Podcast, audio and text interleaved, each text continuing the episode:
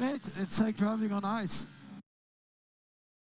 Yeah, um, I think I'm faster with rain tires at the moment around the track.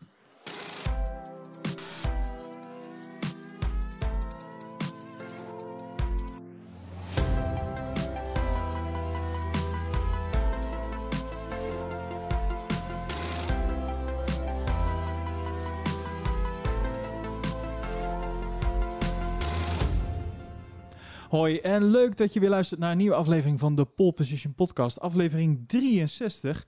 Met eh, vandaag uh, ja, uiteraard een terugblik op, uh, op de Grand Prix van Turkije. Met uiteraard de vrije training, kwalificatie en, en de race.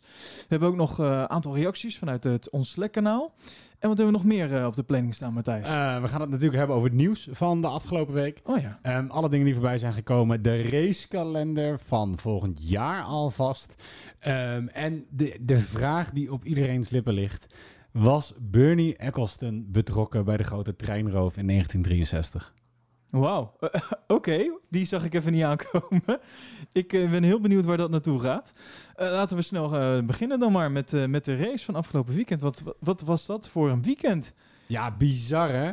Ik had, uh, ik had eerlijk gezegd niet verwacht dat we zo'n race zouden hebben in, in Turkije. Als je het mij uh, een aantal maanden geleden had gevraagd. Nee, je, dit eerste waar ik aan denk bij Turkije is... dit wordt gewoon een even warme en droge race... als dat we normaal in, uh, in nou ja, echt het Midden-Oosten hebben. Alle races die we die kant op kennen. Ja. Niet regen, gladheid en pas op voor ijs, zeg maar. Het is, jeetje, maar wel... en dat komt natuurlijk ook omdat de races allemaal zo laat zijn in het, in het, in seizoen. het seizoen. Ja. Terwijl dat normaal nu zouden we lang... Alle, ja, ja, het is niet november op zich al. Hè? Dat is wel raar. Precies. Uh, laten we dat niet vergeten. Um, ja, super, maar super maf. Uh, de race vond ik eigenlijk, als het in de noten pakken, nog best meevallen met hoe raar het is. Maar zeker de kwalificatie en de vrije trainingen waren chaos. Ja, jij zei dat ja. Na de race, ik zei van nou, ik had eigenlijk wel meer, meer uitvallers bijvoorbeeld verwacht tijdens ja. de race. Ja, we hebben een race met uh, één echte uitvaller. Uiteindelijk twee volgens mij. Giovinazzi die heeft hem aan de kant gezet. Uh, en weet je wat glijpartijen. Ja. Uh, maar niks, nou ja, niks, geen, geen Nürnberg-verhaal. Niet, uh, er komen nee, nog elf is... auto's hinkelend over de streep. Uh, het viel eigenlijk allemaal wel mee. Dat is dan waar je een beetje natuurlijk aan terugdenkt in, in de, de, nabije geschiedenis. Natuurlijk de, de, de Nürnberg-ring van afgelopen jaar in mijn hoofd. Wat natuurlijk een bizarre race was. Ja. Nee, ja, zo'n race was het in ieder geval niet. Maar het weekend was er wel was heel bijzonder met uh, nou, heel veel water. Je hoorde het natuurlijk al aan het begin van, uh, van, de, van de podcast, uh, de boordradio van Max, die ook zei van, het was meer F1 on ice. Ik, ik denk dat ze dit gewoon in een jaarbeurs kunnen neerzetten aan het einde van het jaar, kaartjes voor verkopen. en in plaats van Disney on ice hebben we gewoon F1 on Formule ice. on ice, ja. Ik vind het een leuk idee. en het is natuurlijk, het komt niet alleen door de regen, de combinatie van de regen en het nieuwe asfalt, wat er eigenlijk voor zorgt dat dit dus zo ja, zo glijdend en glipperig is in verhouding tot, uh, tot zelfs andere regio's. Klopt, ja. En er was ook nog iets bij het schoonmaken van de baan dat er toch wat uh, water nog was gemorst. Dat ik uh, begreep, er was nog wat extra water op de baan wat er eigenlijk al niet moest zijn. Dus nou, het, het, zorgt in ieder geval voor een, uh, een superleuk weekend. Uh, de vrije trainingen waren daarentegen niet zo heel interessant. interessant. Het duurde veel, uh, wel lang ook trouwens. Ja, heel veel start en stop, hè? Ja, klopt. En ehm, ja, bijvoorbeeld Mercedes heeft in, in vrije training 1 en 3 nou, nauwelijks rondjes gemaakt ook. Dat, toen, toen de kwalificatie daarna ook kwam en in, en dus ook het slechte resultaat van Mercedes. Toen dacht ik wel even daar een soort van 1 plus 1 uh, te kunnen maken. Ik denk, ja, als jij ook geen, geen rondjes gaat... Juist in deze omstandigheden is het denk ik heel waardevol... om heel veel rondjes te maken. Om heel veel... Ja, het is een onbekend, het is een onbekend circuit. Ze hebben er al lang niet meer gereden. Ook. Uh, je hebt een, een, nieuw asfalt. Je hebt uh, de hardste compound. Pirelli die in een domme botte hoofd hebben gehaald om de hardste compound mee te nemen naar uh, dit circuit. Ja, dat deden ze echt om, omdat ze gewoon niet wisten... Wat, wat er aan de hand zou zijn. Nee. nee. Nee, ja, en misschien als, weet je, was dit asfalt wel heel bandenslijtend geweest op het moment dat het droog was geweest. Maar zoals het er nu uitzag, was het natuurlijk waardeloos. Ja, nee, absoluut. Ja, sowieso zijn de slicks uh, nauwelijks aangeraakt uh, dit ja, weekend. niet, toch? Ja, vrije ja, training 1 volgens mij onder nou. andere heel even. Maar dus, dus nauwelijks uh, is erop gereden. Want ja, de intermediates en de, en de full wets waren eigenlijk niet aan te slepen. Nee. En uh, dat maakt het trouwens ook wel uit voor het bandenreglement. Hè? Dat is zo eventjes zo'n ding waar je dan even aan wordt herinnerd. Zo van, uh, tijdens de kwalificatie moet je natuurlijk in Q2, de, waar je de snelste tijd mee neerzet. Dat is dan de band waarop je start uh, tijdens de race. En, maar op dat moment was volgens mij ook nog niet heel erg zeker wat voor weer het nou zou worden de dag erna. Ja. Eh, of het nou wel of niet zou regenen tijdens die race.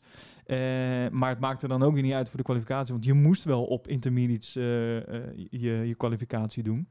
Of, Ja. of- want ja, Eigenlijk zodra we natuurlijk afwijken van een van de, de drie hoofdbanden, de soft, medium of de hard, is het, gaat het hele bandenreglement eh, het raam uit. Ja klopt. Ja, dat, dat gaat dan, Dan, gewoon niet dan meer maakt op. het qua wisselen maakt het niet meer uit. Dan maakt het qua starten maakt het volgens mij niet meer uit. Eh, dan is het klaar. Nee, veiligheid gaat ook voorop natuurlijk. Want Ja. dat is uiteindelijk waar het ook om, ga- ook om gaat. Maar ook, ook dan heb je nog wel maar een x-aantal sets overal van. Want eh, Olaf Mol, op een gegeven moment even tijdens de, de race... die had het volgens mij zelf ook niet helemaal lekker op zijn netvlies. Maar dat eh, Max niet meer zou kunnen wisselen naar intermediates. Omdat hij Omdat niet, niet meer zou zou ha- hebben. Die hij dan uiteindelijk wel had. Waar dan Olaf weer van dacht dat het een gebruikte set was. Of iets dergelijks. Ja. Want hij ging uiteindelijk toch nog naar binnen om daarvoor te wisselen. Maar je hebt dus wel toch nog een maximaal aantal banden dus die je Nou ja, mag eh, gebruiken. Nee, ik denk ook gewoon een maximaal aantal banden dat ze bij hebben. Ja, op die manier. Ik bedoel, je, je kan maar zoveel banden meenemen. En je gaat natuurlijk niet eh, voor iedere race ook hele stapels met intermediates en met wets meenemen. nee, dat is waar. Als je die meestal niet aanraakt. Nee, nee, nee, nee, dat is helemaal waar. Ja, het meest eh, verrassende, naast natuurlijk de, de race, hoe dat zich ontvouwde, was ook wel de kwalificatie natuurlijk. Want, jeetje. Nou ja, laten we, voordat we de kwalificatie bekijken, misschien eerst even kijken naar het circuit waar we precies op rijden. Oh ja, natuurlijk. Ja, Want ja, ik denk, ik heb wat informatie over het circuit bij elkaar geraapt. Uiteraard, uiteraard. Ehm, het Turkije Istanbul Park circuit. Het ehm, circuit waarop het eerst een Grand Prix gereden werd in 2005. En eigenlijk een circuit dat we al heel lang niet meer op de kalender hebben zien staan. Hmm. En de reden daarvoor is eh, geld. Geld, geld, geld. De, eigenlijk, Ja. dit is volgens mij een terugkerend thema in de Formule 1. Dit blijft. Ja, dan in de sport überhaupt. Ja, tussen, eh, tussen 2005 en nu 2020 zijn er eh, acht Grand Prix verreden op het, eh, op het circuit. Ehm, de laatste was in 2012 en daarna moest er, ik meen, 13 miljoen betaald worden per jaar om op de kalender te blijven staan. En daar had de, de regering van Turkije of zo had daar weinig zin in enzovoort. enzovoort. Nou, het is afgekapt. Het was al een hele tijd, was het eigenlijk niet meer in gebruik. En die eerste GP in 2005 is gewonnen door Raikkonen. Oké. Ja, zeker. Ja, klopt ja. Kimi was een van de weinigen die er ook daadwerkelijk nog op had gereden. Ja, en het was ook eigenlijk een, eh, een, een hele... Nou ja, de meeste mensen die, die kennen wel, of die kennen in ieder geval een stukje uit dit circuit. Want dit was het beroemde moment waarop ehm, Webber Schumacher eh, in de vangrail reed, Ah, omdat hij ja. zichzelf probeerde te unlappen. Ja, ja, ja. Dus hij, ja, hij ja, deed, hij deed een Oconnetje en toen eh, tikte hij die Schumacher aan. Nou ja, dat is een stuk wat, wat iedereen volgens mij wel een keer voorbij heeft zien komen. Ook van die, van die terugblikstukjes van de Formule 1. Ja. Eh ronde record, eh, dit keer ook niet verbroken, was 1.24 eh, gereden door Montoya in 2005. Nou ja, En- die, ronde, die rondes die waren een stuk langzamer natuurlijk. Ja. Maar dat had natuurlijk met alles met, met het weer te maken. Ja, het ging nu natuurlijk helemaal nergens over. Ehm, het is wel het circuit. Ja, het, ik, ik was er ook al niet meer zo bekend mee, omdat het natuurlijk ook zo Nee. lang niet meer over gereden is. Ehm, veel mensen zijn er wel fan van. Bernie Eccleston, daar gaan we het straks nog over hebben, noemde dit ooit het beste circuit ter wereld. Ehm, Oh. En er zijn meer mensen. Het staat echt in een hele hoop dingen. Het wordt echt geroemd om, eh, om hoe cool het is. Het, het circuit waar rijders misschien een beetje tussen aanhalingstekens bang voor zijn.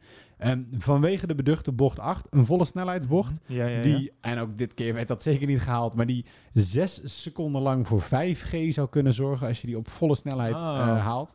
Ehm, en het is een van de weinige circuits aan deze kant van de plas die tegen de klok ingaat. Oh, ja, dat is waar, ja. Tegen de klok in circuit. Dus eh, in totaal eh, de raceafstand een 309 kilometer lang tegen de klok in over 58 rondes. Dat is Istanbul Park. Ja, die bocht 8 die is mooi. Dat is, die ligt in sector 2. Hè? Dus het randje sector 1 naar sector 2 is dat volgens mij. Zeg ik dat goed? Of sector 3? 2, 3? Ja, dat is eh, twee. Even kijken, ja, als je zo. Ja, twee. Dat is vlak voor. dat is de bocht eigenlijk die ze nemen vlak voor de eerste DRS detection zone. Dus dan ga je naar het rechte stuk op en dan heb je de DRS detection zone. Ja, mooi. Ja, het, het, ik vind hem er ook heel leuk uitzien. Eh, dat klinkt heel stom, maar als je naar het circuit kijkt, de, de, de- er zitten mooie rechte stukjes in en dan die twee DRS'en. Ja. Maar, maar ook best wel heftige knikken zitten er toch nog wel in. Ja, zeker. Ja, het zijn echt wel. Er zitten een paar 90 graden bochten in. Ja. En een paar lange doorlopers. Bocht 2 is een hele lange doorloper. Nou, je hebt bocht 7 is een relatief grote bocht. En bocht 8 is eigenlijk een combinatie van. Nou ja, een, een drietal bochten aan elkaar. Met dan een scherpe knik. Het eerste korte rechte stuk. Ja, het tweede korte rechte stuk op als je vanaf de finish telt. Ehm, voor die eerste DRS-detectiezone. Ik vind het ook een, een heel cool circuit. Ook omdat het, het rechte stuk tussen bocht 10 en bocht 12... Het wordt onderbroken door, door bocht 11, uh, 11 uiteraard. Hè, tussen Ja. 10 en 12 zit 11. Maar het is, een- het is een licht knikje. Ja, dus eigenlijk kan je daar ook gewoon... Ja, daar kan je... Het is Met geen goede flat-out bocht volgens mij... maar daar kan je wel met, met een goede snelheid doorheen. En Ja. het onderbreekt toch even zo'n eh, zo'n rechtstuk. Ja, mooi. Ja, ehm, we gaan hem helaas volgens mij niet op de kalender terugzien volgend jaar. Nee, ik vrees ook van niet, nee. Ah, maar dat, eh, dat, eh, daar komen we straks nog even aan toe, aan, eh, aan die nieuwe kalender. Maar wat, wat, wat jou betreft, wat mij betreft, mag die er namelijk wel opkomen. Maar dat heb ik met wel meerdere circuits Oh, die we dit jaar voorbij hebben zien komen. Maar deze mag er voor mij echt wel opkomen. Ja, nee, 100% mee eens. Wat mij betreft ehm, mag deze erop blijven, want ik zou graag een keer zien dat ze deze dus met droog weer rijden. Ja, ja droog precies. weer, gewoon lekker ergens eind juni. Ehm, en dan eh, met stomende banden dit circuit over, want het is gewoon ontzettend gaaf, snel circuit. Ehm, eh, en het is leuk en het is een beetje onvoorspelbaar, omdat het een, een minder bekend circuit is en omdat het de andere richting op draait. Ik was ook helemaal niet van bewust dat, eh, dat het zo'n favoriet was bij, eh, bij heel veel... eh, Ja, bij heel veel mensen. Heel veel, bij heel veel coureurs dus eigenlijk wat minder, juist omdat het tegen de klok ingaat. mm, ja, ja, ja. Of, sorry, dit, ja, dit gaat tegen de klok in. Dus dat is anders dan wat ze gewend zijn. Dan waar heel veel mensen voor trainen. De meeste circuits gaan met de klok mee. Nee, ja. Dus daardoor wel zwaar voor coureurs. En, en natuurlijk vanwege die bocht 8. Ja, het is gewoon een heel zwaar circuit. Ja.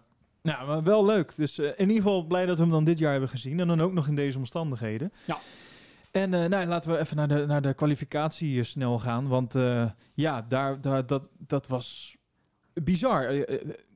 Laat, waar moeten we beginnen? Moeten we beginnen bij Racing Point, bij Red Bull of bij ehm, Mercedes of bij Alfa? Vind ik de meest interessante teams. Het begint bij Alfa. Alfa. Nou, Alfa, beide Alfa's in Q3. Laten Ja. we daar eens even... Nou, dit is toch een... eh, toch? Ja, niet iets wat, je, wat we vaak hebben gezien dit jaar. Zeg Ik maar. bedoel, eh, beide McLaren's in Q2 eruit. Beide Ferraris in Q2 eruit. Ja. Gasly Ja. in Q2 eruit. Dit is, dit is fantastisch, toch? Voor al, dit is denk ik hun beste eh, resultaat wat betreft eh, eh, de, de kwalificatie die Ja. ze hebben gehad. 8 en 10 uit mijn hoofd eventjes. Maar dat weet ik niet 100% zeker. Ik pak heel snel dus eh, dingen erbij. Eh Giovinazzi 10, ja. Raikkonen op, op 8. Ja, Ja, het is voor, voor hun doen natuurlijk bizar. En, en eigenlijk nog, nog vreemder, ja, ze zijn gespleten, gespleten door Bottas op 9.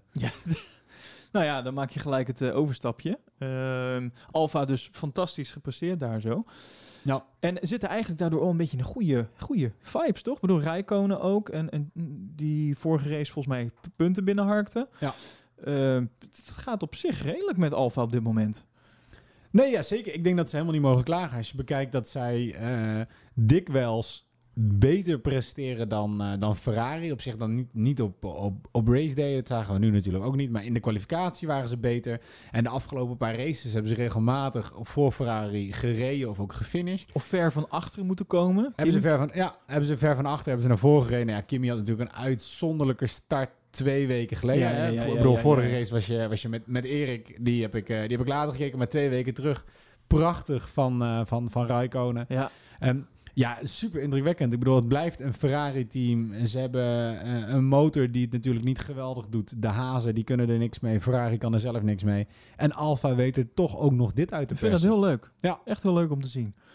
En, en ik gun het Kimmy dan ook nog wel. Ja, Of zeker. zo. Om dan zeker. toch nog een beetje competitief. Ik bedoel, als je echt helemaal achteraan eh, rijdt. eh, Williams. Ja, nou dan, en ik denk dat Dus. je dan ook niet meer van je hobby kan genieten. Nee, eh, de- misschien dat hij daarom eh, toch nog een jaartje had bijgetekend. Eh, maar ja, je noemde net al, Bottas die splitte de twee Alfa's. Ja, Bottas op 9. Überhaupt, een Mercedes die niet, het- geen 1, 2, 3, gewoon 9. 6 en 9 uit mijn hoofd. Lewis Ja. op de zesde plek en Bottas op plek 9 in de kwalificatie. Wat is daar gebeurd? Ja, ik denk dat we voor Bottas sowieso niet over dit seizoen hoeven te praten. Of over dit, deze race Over deze te race, praten. dit, weekend. dit hele weekend wil die man gewoon vergeten. Want dit was natuurlijk huilen met de pet op. Ja, Ehm, maar ook de auto gewoon niet aan het praat. Ja, ja en nee. Ik bedoel, als je ziet dat, dat Hamilton eh, uiteindelijk de race eh, gewonnen heeft, spoiler alert. Uiteraard. Ehm, ja, dan, ik weet niet, de, de auto doet het toch op zich wel. Alleen dat ze tijdens de kwalificatie ook niet ook doen. Hamilton, Hamilton die zesde kwalificeerde, dat is ook alweer even geleden. Ja, absoluut. Ja, en dan, dan denk Nu je... was wa- het wel een chaos. Nu was het natuurlijk wel een chaos kwalificatie. Dit was niet... eh, Ja, wel. Dat is ook zo. maar dan nog. bedoel, eh, waarom lukt het dan een Verstappen dan toch wel om vooraan te blijven? Weet je wel? En eh, Verstappen is dan wel, staat wel bekend dat hij goed in regen kan rijden. Ja. Maar dat heeft Lewis ook laten zien weer vandaag. Dat hij dat kan. Ja. Nee, De- ja, zeker. Ja, ik vond het toch opvallend. En ik dacht, ik dacht eigenlijk als eerste van, nou ja, misschien omdat jullie gewoon te weinig hebben data hebben verzameld eh, tijdens de vrije trainingen. Dacht ik echt van, nou, dan is dit een beetje de uitkomst. Als je er een beetje een soort van half laks mee omgaat. Zo, zo leek het in ieder geval. In ieder geval, het aantal rondjes wat er werd gereden was gewoon heel weinig.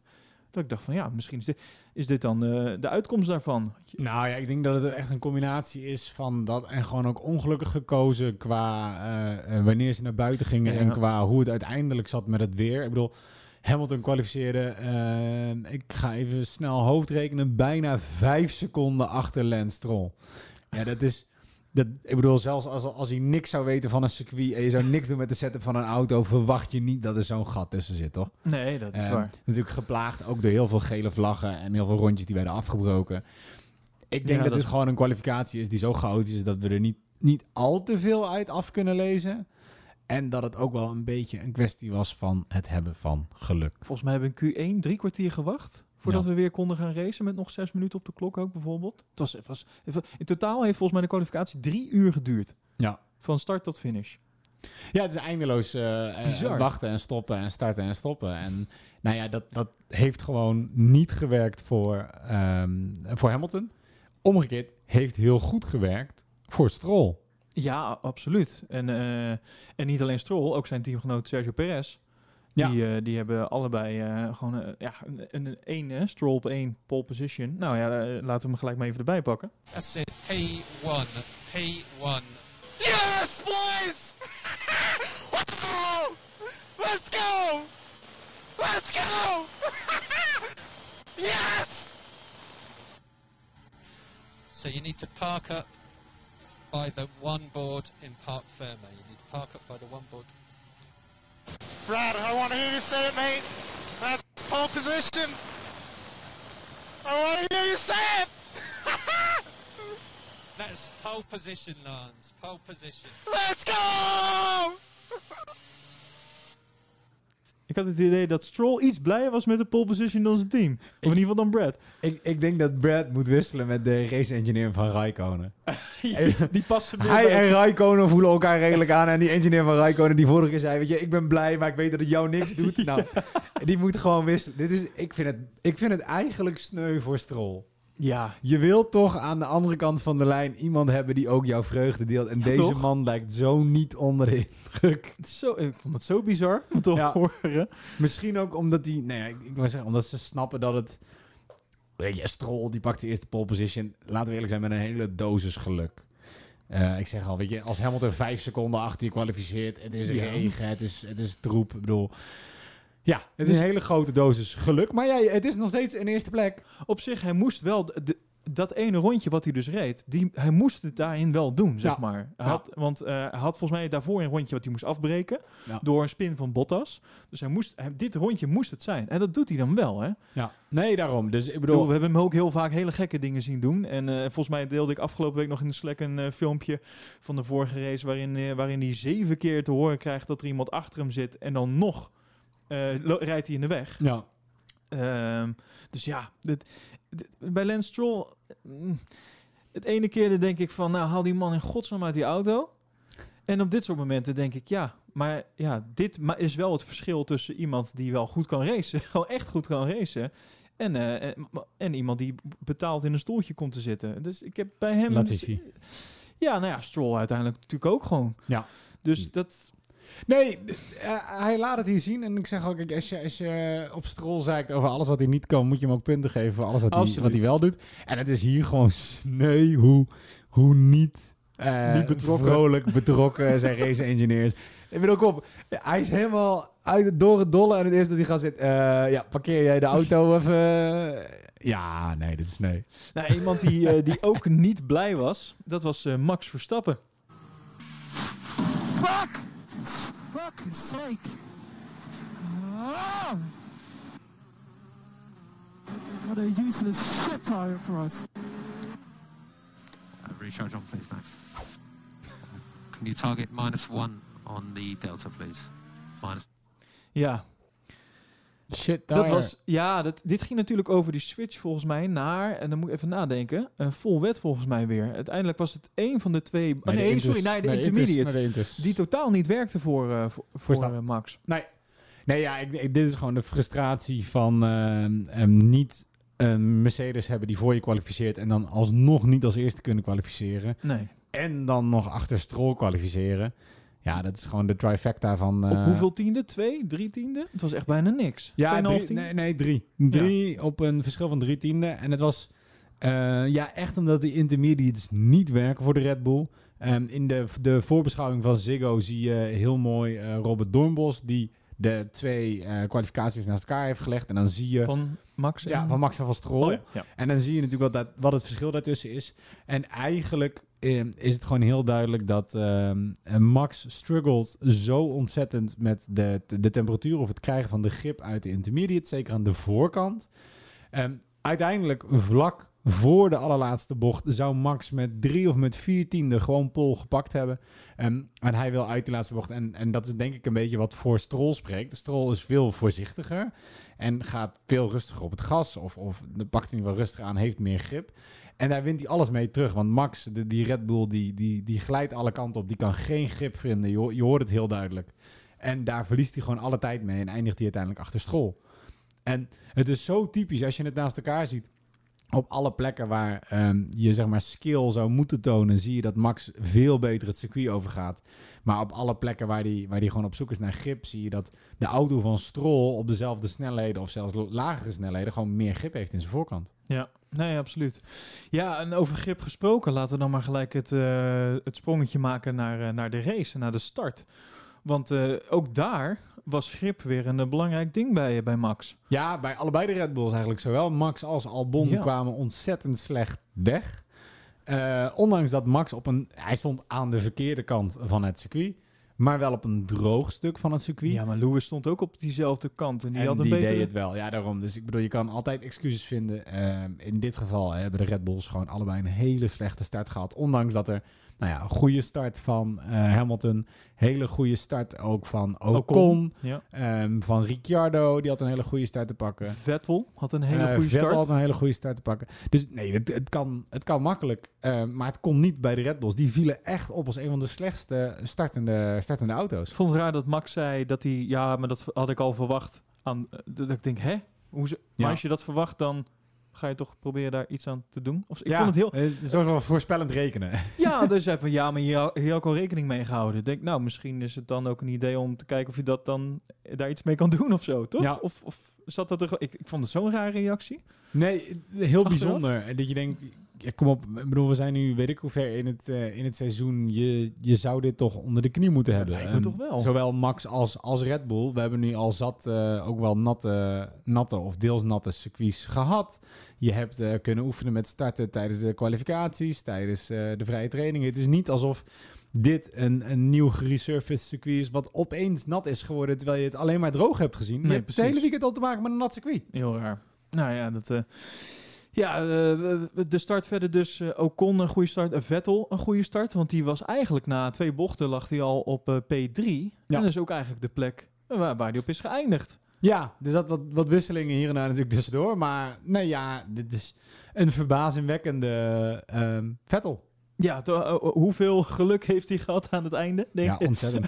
ja, wij, wij, wij zeiden op een gegeven moment al tijdens de race... je had ehm, Vettel, Hamilton en Albon die aan het vechten waren. Het was op plek 4, Ja, maar je had Hamilton die aan het vechten was met Vettel... en het, het leek even op vorig jaar of zo. Je klopt, ja. Iemand die tot nu toe nog helemaal geen race had gezien dit seizoen... die had gedacht, deze zijn aan het vechten voor plek 1. Ehm, dit was echt, echt ongehoord dit seizoen. Ja, en, eh, ja, uiteindelijk kreeg Vettel dus eigenlijk de podiumplaats wel een beetje in zijn eh, schoenen Je moet ook hierbij geldt natuurlijk altijd: je moet er zijn, want als je er niet bent, dan hark je hem ook niet binnen. Ja. Maar Leclerc was nog bezig met wat een mooie inhaalmove op Perez, maar uiteindelijk kostte dat hem twee plaatsen, want ja, hij, hij remde, hij remde door. Eh, ging een beetje van de baan af en, en eh, Vettel zat er gewoon heel netjes achter. Die zat Ja. gewoon in de slipstream eigenlijk van Perez, ging gewoon netjes mee. En eh, ja, dat zorgde uiteindelijk voor een eh, iets wat gefrustreerde, zou je wel kunnen zeggen, Leclerc achteraf. P4, P4, slow button on. You did a good job. Really good No, I did a shit job. I did a shit job. I did a shit job. I did a shit job. That's it. I did a fucking shit job. Tranquillo Charles. What? È un bel What the? risultato, stai tranquillo. Ma che... Bene così. Sono un coglione, so- sono un coglione, sono un coglione. Sono un coglione. Non bene così, sono un coglione. and ready off and slow button on slow button on I am so sorry to the whole team. I am fucking stupid. As much as in Baku. Basta Charles, basta. Porta la macchina. Sì, sì, la macchina ce la farò. Normalmente. Ja, ik vond het wel grappig dat hij ook nog even zichzelf in Baku eh terug herinneren. Dat hij een soort flashback had naar een ander moment waar hij zichzelf super kut vond. Ja. Dat- maar eh, ja, dat, eh, wat, wat zei hij nog allemaal? Weet je dat? Want ja, ik, ik, heel ik s- ken niet zo heel goed Italiaans, maar... eh, Heel sprekend, we- kunnen het een beetje ontleden. Eén, dit is dezelfde Charles Leclerc die in 2018 over de radio zichzelf excuseerde toen hij een keer fuck zei.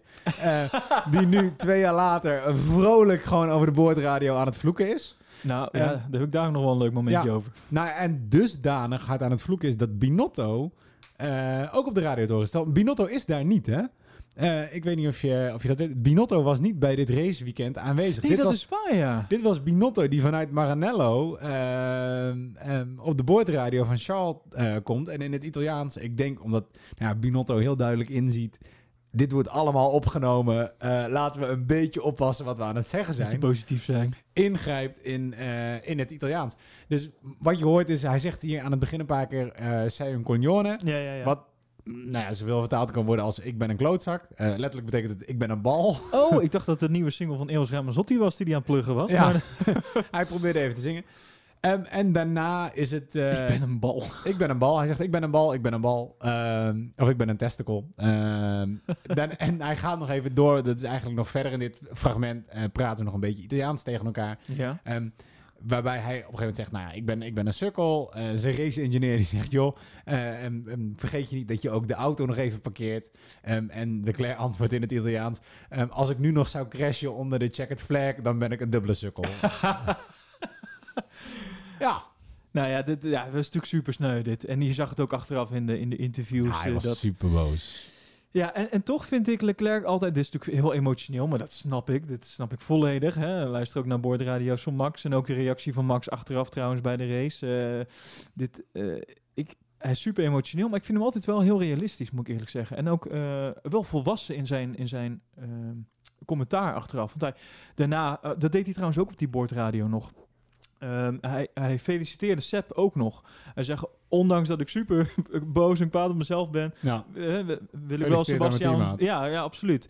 Dus zo helder zijn ze nog wel om dat gewoon nog te blijven doen, weet je wel. Dat, en dat deed hij ook heel netjes eh, aan het, eh, bij het interview bij Jack, volgens mij. Dat hij er ook nog even benoemde van, weet je wel. Sepp, gefeliciteerd. En ook al ben ik, zit ik totaal niet in, in die emotie, maar ik wilde toch wel even benoemen. Ja, nou ja, dat, ik vind ook dat Leclerc daarin echt wel realistischer is eh, dan bijvoorbeeld een Max. Hè.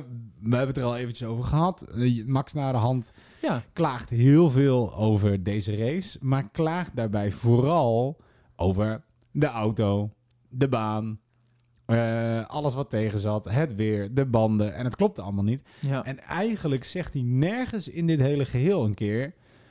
Ja, shit, ik heb een fout gemaakt. Want in mijn ogen... En op Slack gingen we er ook al... Het is natuurlijk altijd makkelijk. En laten we beginnen met... Het is altijd makkelijk om vanaf de bank te zeggen... ehm, hoe je het had moeten doen. En hoe je het beter had kunnen doen. Maar ik vind dat Max...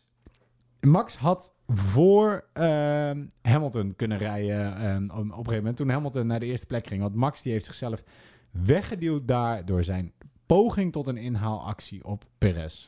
Ja, want wat, kan, kan je eens beschrijven wat daar volgens jou gebeurde? Dat, eh, we zagen wat beelden vanuit de auto van Max. En Nou. het was op een... Ik weet even niet in welk, welk stuk van de baan het, eh, het was. Ehm, en daar deed Max dus een poging om uh, Perez voorbij te gaan. Hij was ook wel een stuk sneller. Dat was duidelijk. Uh, maar, maar dat hebben we bijvoorbeeld ook bij andere coureurs gezien. Onder andere een Hamilton, die volgens mij erg lang achter een Ferrari uh, zat. Achter Vettel volgens mij. Mm-hmm. Uh, die daar ook niet makkelijk aan voorbij ging. Uh, en Max die koos op een gegeven moment een stuk op de baan om, om te proberen in te halen. Kwam vervolgens vol eigenlijk in de spray ook van, van Perez. En eh, ja, vanaf dat moment zag je een soort van overstuur. Of er was een, een, een momentje waardoor hij zijn... Ja, hij verloor gewoon alle grip. En op dat moment was dus de spin en was het eigenlijk gewoon, gewoon klaar. En, en precies wat je zegt, achteraf dan... Ik heb hem daar eigenlijk nou niet heel erg over gehoord. Als in van, het was misschien iets te ambitieus om op dat punt van de baan in te halen. Of op, op dat moment. Want het was gewoon nog op zoveel plekken zo nat. Ja. Dat eh, volgens mij hadden we Albon wel eh, even daar, daarvoor eh, iemand zien inhalen. Maar dat was volgens mij op dat moment een van de weinige plekken op de baan waar je dat goed kon doen. Want daar was het gewoon een stuk droger. Je zag op zoveel plekken dat het gewoon echt nog niet kan. Alleen al, alleen al rijden op zich was daar een probleem. Kijk bijvoorbeeld naar een Bottas die even later gewoon net een stukje van een plas pakt ergens. En het Nou is ja, klaar. Niet zomaar ergens, exact daar. En, en dat is het een beetje. Volgens mij was dit, eh, dit bocht 7, waar het circuit eh, deels omhoog helt. Ehm, ja, hij, hij zit achter Perez. Stroll staat, staat dan op dat moment nog eerste. Perez staat tweede en Max zit vlak achter Perez. En hij probeert eh, daarvoor al een, eh, een, een korte aanval te doen. Die wordt afgestopt eh, in, eh, in, in bocht 6. En hij zit, hij zit er vlak achter. Maar ze, ze duiken die bocht in. En, en het is inderdaad een lager deel van het circuit. Het loopt omhoog. Je ziet het ook al aan de hoeveelheid water die er vanaf komt. Kijk, dat, dat loopt schuin naar beneden. Al het water verzamelt daar aan de binnenbocht. En wat doet Max? Hij probeert aan, aan de binnenkant nog verder langs te duwen.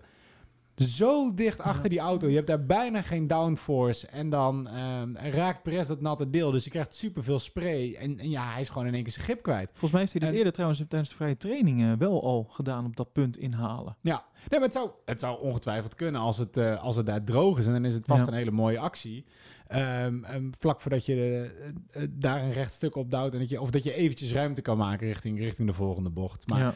Ik bedoel, dit is Bottas ging, ging ook in deze bocht onderuit. Ehm, hier zitten... Ja, dit, dit had je moeten zien aankomen. En de vraag is ook... Waarom doe je dit? Dit was, dit was ronde 18. Nou ja, dat- er zijn was- dus eh, mensen op de Slack die zeggen van, eh, bijvoorbeeld een Reeman, die zegt, eh, nee hoor, je moet het proberen juist daar zo. En ik kan me voorstellen, een echte, een echte ehm, coureur, Nee. die, die gaat Nee. er altijd voor. Nee, nee, nee, nee. Maar- nee, nee, dit is... Nee, nee, want je weet dat je hier gewoon aan iets... Je krabt hier aan de korst, Elwin. Want nee, die, die quote van Senna wordt te pas en te onpas tevoorschijn gehaald... door mensen die het alleen maar gebruiken om, om dit soort gedrag goed te Nou, ik praten. probeer een beetje advocaat van de duivel te spelen hier zo. Nee, dit is... Ja, als je, wat is het, als je niet, eh, niet voor een gat gaat dat er is, ben je niet langer een racecoureur. Ehm 100% waar, maar er was hier gewoon geen gat. Ja, er was wel een gat, maar er lag een hele grote plas. En daar kunnen Formule 1 auto's gewoon niet zo heel goed mee omgaan. Nou, ik denk dat, dat eh, het keyword hier op de is gewoon geduld. En ik denk dat dit, was de- bocht dit was ronde 18. Weet je, wat, je hebt nog 40 rondes te gaan. Blijf achter Perez zitten. Duw totdat die jongen een fout maakt. Of wacht totdat het circuit een beetje opdroogt. En pak hem dan. Ja, nee, ja, klopt. Het is zonde. En daar heeft hij het wel mee verneukt. Want tot die tijd was... Ik bedoel, Perez stond nog steeds tweede. Het enige wat gebeurt is Ja. dat... We, we hebben natuurlijk tussendoor wat bandenwissels gehad. Maar hij is ingehaald door Hamilton. Verder niks. Weet je, Stroll die heeft, het, heeft het zelf... Nee, die had problemen met banden. En die heeft het daardoor... Daardoor ging het bij Stroll helemaal mis. Ja. Anders had Hamilton Max nog voorbij gemoeten. Of had Max daar eerste gezeten. Dus nee, dit is... Ik vind dit echt... eh, ja, je laat hier zien dat je... Je kan ook te gretig zijn. Nou ja, dat, dat ben ik wel met je eens wat ik al zeg. Ik denk dat het keyword hier geduld is. En dat, dat zag je ook bij, nou ja, toch wel een beetje de veteranen. Eh, een, een, een Hamilton zag je toch dat daar, hè, die zat heel lang achter Vettel. Eh, maar die bleef daar wel gewoon achter zitten. Die ging daar geen, die, ja, die liet het gewoon zijn. Die dacht gewoon, eh, Ja. het komt wel. Die Weet heeft daar wel? geen enkele keer heeft hij daar ehm, moeilijk gedaan. Die heeft, die heeft bijna geen inhaalpoging gedaan. Die heeft lopen duwen. Die heeft waarschijnlijk gehoopt dat Vettel een fout zou maken en dat hij daarop in kon sturen. Maar die zag het wel aankomen, jongen. Er is nog 40 rondes, eh, of er, is, er zijn in totaal 58 rondes. Het gaat erom waar je op het eind staat, niet waar ik nu sta. Ja, de puristen die zullen zeggen, nee, als je echt eh, coureur bent, dan ga je er altijd voor. En dan... Ja, eh, ik- Hamilton die werd zojuist voor de zevende keer wereldkampioen. Daarom zijn er ook heel veel mensen, denk ik, die iets, iets hebben tegen het feit dat Hamilton als eh, de beste coureur ooit wordt neergezet. En, en, en dat hij zo vaak iets binnenhaalt. Omdat Ja. dat ze het dan heel erg afschrijven op van ja, maar ja, dat komt door de auto, niet door de coureur. hey, om, een- om een andere quote even tevoorschijn te halen. To finish first, Ja, ja, first you've got to finish. Absoluut. Ehm, Hamilton heeft ook deze race weinig bijzonders laten zien, vind ik. Hij viel niet echt op. En hij heeft een hele tijd heeft hij op de, een beetje op de vijfde, zesde plek gehangen. Maar langzaam en door consistent te zijn, door rustig met zijn banden om te gaan, eh, heeft hij wel gewonnen. Eh, ik denk dat je ook gewoon soms slim moet zijn. Het is hetzelfde als een voetbalwedstrijd waarin eh, of je kiest ervoor om heel mooi te spelen. Nou, en soms moet je ook gewoon heel slim zijn en gewoon alle elfte je poppetjes op, op je eigen helft houden. En daarmee proberen geen do- tegendoelpunt te krijgen. Ja, is niet mooi. Maar ja, als nee, je daarmee punten binnenhaalt. Ja, of als je daarmee punten binnenhaalt, dan is dat het allemaal waard. Dus ja, dit- dit- dit- het is meer dan alleen maar mooi willen racen of een, een mooie wedstrijd willen maken. Vol- Soms je gewoon slim zijn. Ja. En, eh, en, en dat was, nou Max, in ieder geval naar ons idee denk ik allebei eh, niet eh, dit, deze keer. Nee, ja, en wat ik dan dus jammer vind, is daar hoor je hem dus niet over. Nee. En dan denk ik, weet je, prima, ik snap dat je gefrustreerd bent dat je geen winnende auto hebt. En dat, dat Honda dat niet heeft kunnen, kunnen voltooien, of dat Red Bull dat niet heeft kunnen voltooien. Maar we horen nu al, al heel veel races lang horen we daar klachten over, en terecht. Ja. Maar je kan ook een keer, weet je, het zou je ook sieren om een keer hand in eigen boezem te stoppen en te steken en te zeggen, jongens, ik, eh, weet je, ik heb het zelf ook een beetje verneukt. Ik had dit niet moeten doen. Ik, ik had het misschien Ja, je anders kan het in ieder geval benoemen. Hij Ja. benoemde het niet. Ja, kan- benoem het inderdaad. Weet je, zeg dan niet, ja, dit ligt alleen maar aan de auto en alleen maar aan de banden. Nee, zeg dan ook gewoon, joh, weet je, en da- daar ligt het allemaal aan. Oh ja, en ik, ik deed zelf misschien ook iets wat ik even beter had aan kunnen pakken. Maar goed, weet je, split second beslissing. Ik dacht dat ik die ruimte had. Helaas. Ja, en toen kon hij volgens mij weer naar binnen. Want inmiddels had hij vierkante banden door die spin. En eh, ehm, nou ja, de, de banden waren nu toch ook best wel weer een ding. Want eigenlijk degene die lang buiten zijn gebleven, die goed aan, aan bandenmanagement deden, die hebben uiteindelijk toch best wel goed resultaat geboekt. Kijk naar, eh, nou, uiteraard een Lewis. Die heeft eh, volgens mij in ronde 7 keer gepit. Ronde 7, 8. Is daarna niet meer naar binnen gekomen. Die, Nee. ma- die maakte van zijn eh, intermediates maakte die slicks.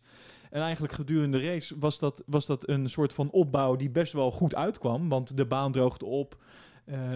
Het ging niet meer regenen uiteindelijk. Er was ook nog even sprake van. Ik denk als dat was gebeurd, gaan regenen, dan was hij de lul geweest. Maar eigenlijk ehm, het, het ver- verloop van de band, zeg maar, het verslechteren van de band, ging eigenlijk tegelijk op met het droog worden van de baan. Waardoor eigenlijk, ja, je verloor niks op daardoor. Nee, nee, ja, goed. En zelfs al was het natuurlijk gaan regelen, had hij nog, nog binnen kunnen komen. Ja, er was precies. even was er sprake van, maar Hamilton die, eh, die zag flashbacks aan hoe hij een fout had kunnen maken met, met hele afgesleten banden in een hele glibberige pitlane. Ehm, maar hij heeft uiteindelijk gewonnen met uit mijn hoofd de op één na grootste, het op één na grootste verschil Oh, ja. in zijn carrière tot aan plek 2. Met 31 seconden voorsprong heeft hij gewonnen. Ja, en ik vond dus, ik, eh, ik hoorde dus eh, een boordradio. En, en, nou, laten we eerst even luisteren. Don't give me new tires again, man. That's not the right idea. Dit zei hij al in, in ronde 5 uit mijn hoofd. Dus eh, hij zei dit best wel Zo vroeg. vroeg, ja. Hij zei dit heel vroeg in de race van don't give me new tires, man. Oh, nee, sorry. Dit zei hij eh, na eh, zijn pitstop. Sorry. Ik wil zeggen, vijf rondes na Ja, de ja, nee, nee, hij is één keer van full wets naar Ja, Intes gegaan, precies. redelijk aan het begin van de race. Ja, en daarna zei hij don't give me new tires, man. Eh, dus eigenlijk bepaalde hij op dat moment van dit is wat de strategie gaat zijn. En, en volgens mij een Ocon, die heeft ook heel lang doorgereden op die manier. Ik Ja. dacht een Perez ook uit mijn hoofd, weet ik even niet meer. Maar eh, eh, het viel me op dat er toch een, dan zie je toch dat een aantal A heel goed zijn in hun tire management. Ja. Eh, en, en, B dat dan de alle omstandigheden, het viel dan allemaal op zijn plek wel op dat moment. Maar ik, ja, kijk, sommigen zeggen dan ja, maar Hamilton, hè, weer makkelijk. Ehm, nou, ik vind dat dit soort momenten dus hem wel heel groot maken. Dit is het verschil. Hij bepaalt hier de, de strategie. En ik vind, mede door dit, haalt hij ook daadwerkelijk de overwinning binnen. Door hier te zeggen, jongens, dit is wat ik voel op deze banden. Dit, dit gaan we gaan Dit niet meer gaan wisselen. Dit is wat de strategie nu gaat zijn. ja. En hij heeft gewoon gelijk gekregen.